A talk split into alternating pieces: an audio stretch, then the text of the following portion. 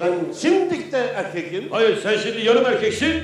Kesilince tam erkek olacaksın. Olmaz ben şimdi tam erkekim. Ne zaman kesiliyor yapım oluyor. Sırası, sırası, sırası.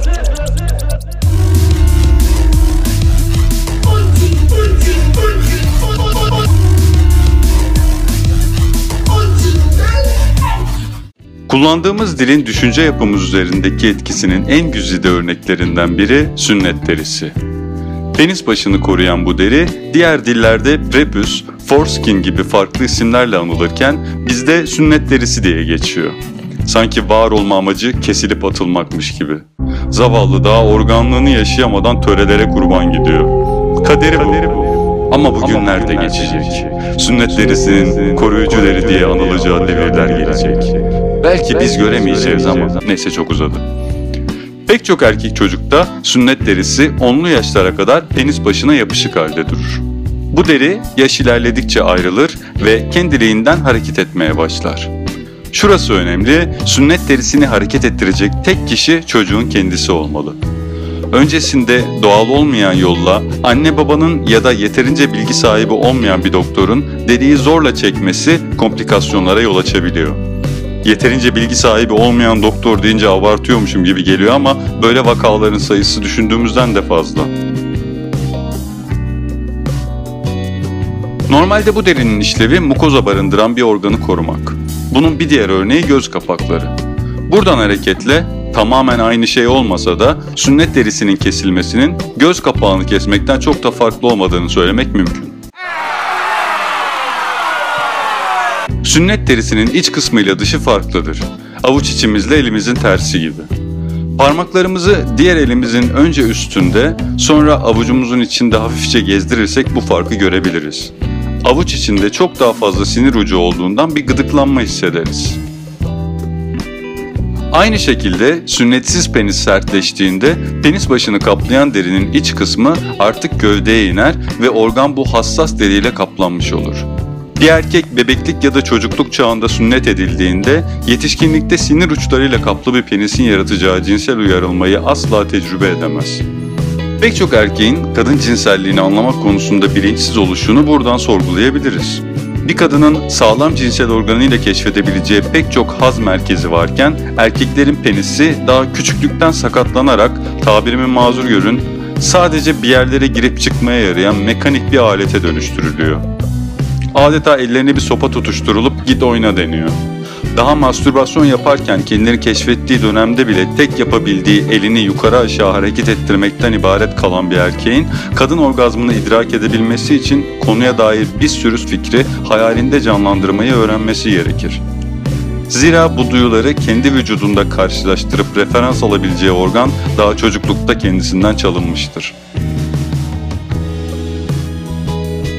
Küçük bir deri parçası denilerek önemsizleştirilen sünnet derisi, yetişkin bir erkekte penis derisinin neredeyse %50'sini oluşturur. Bu yaklaşık 80 santimetre karelik bir derinin eksik olması demek. Bu da daha az penis demek.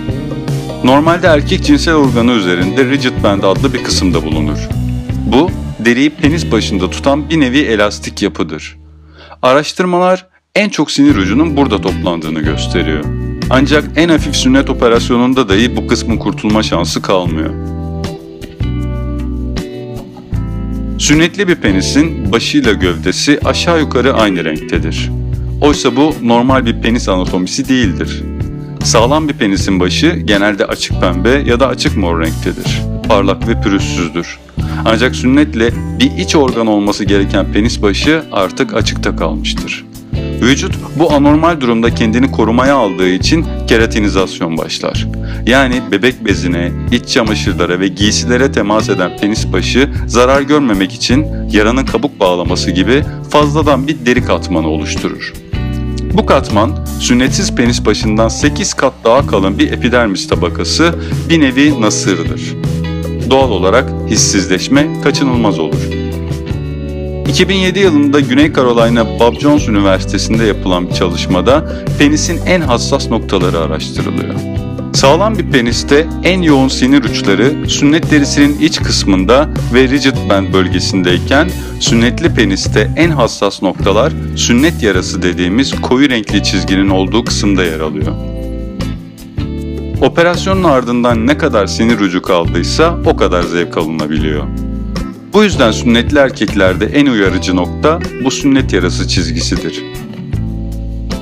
Bütün memelilerde sünnet derisi vardır. Hepsi aynı hayvan sınıfına dahil olmakla beraber soylarını sürdürmek için farklı farklı evrimleşmiş olsalar da hayati önem taşıyan organları körelmemiştir. Yarasalar kanatlı olmakla beraber sünnet derileri vardır.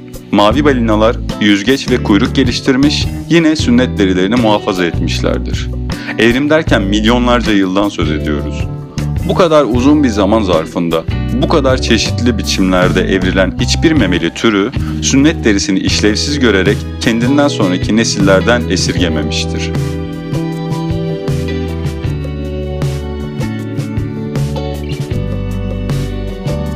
Sünnet derisinin mekanik bir fonksiyonu da var. Cinsel birleşme esnasında deri tamamen içeri girmeyerek bir nevi bariyer oluşturur. Bu sayede bir kadın ve bir erkeğin beraber olduğu cinsel ilişkide vajinadan salgılanan kayganlaştırıcı sıvıların dışarı çıkması engellenmiş olur.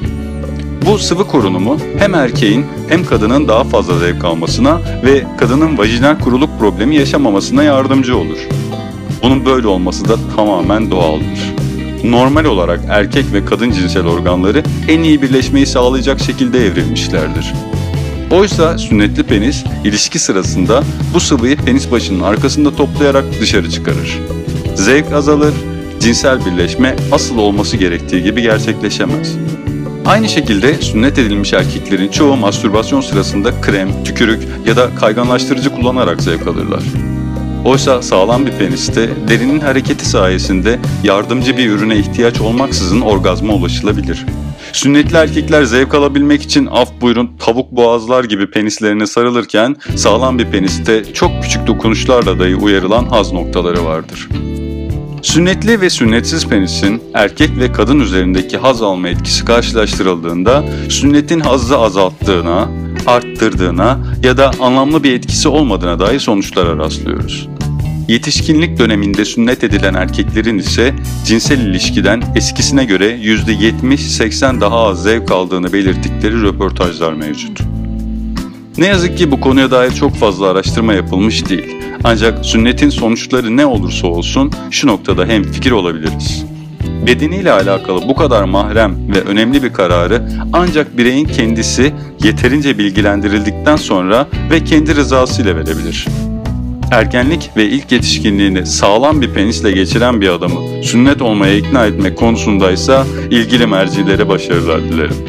Artık göklerden inen buyruk böyle mi derler, hastalıklara karşı koruyor mu derler bilemem.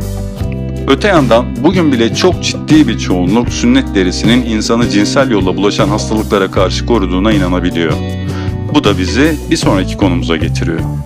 Önümüzdeki yayında sünnetin hastalıklara karşı koruma mitinden bahsedeceğim. Benimle kalın.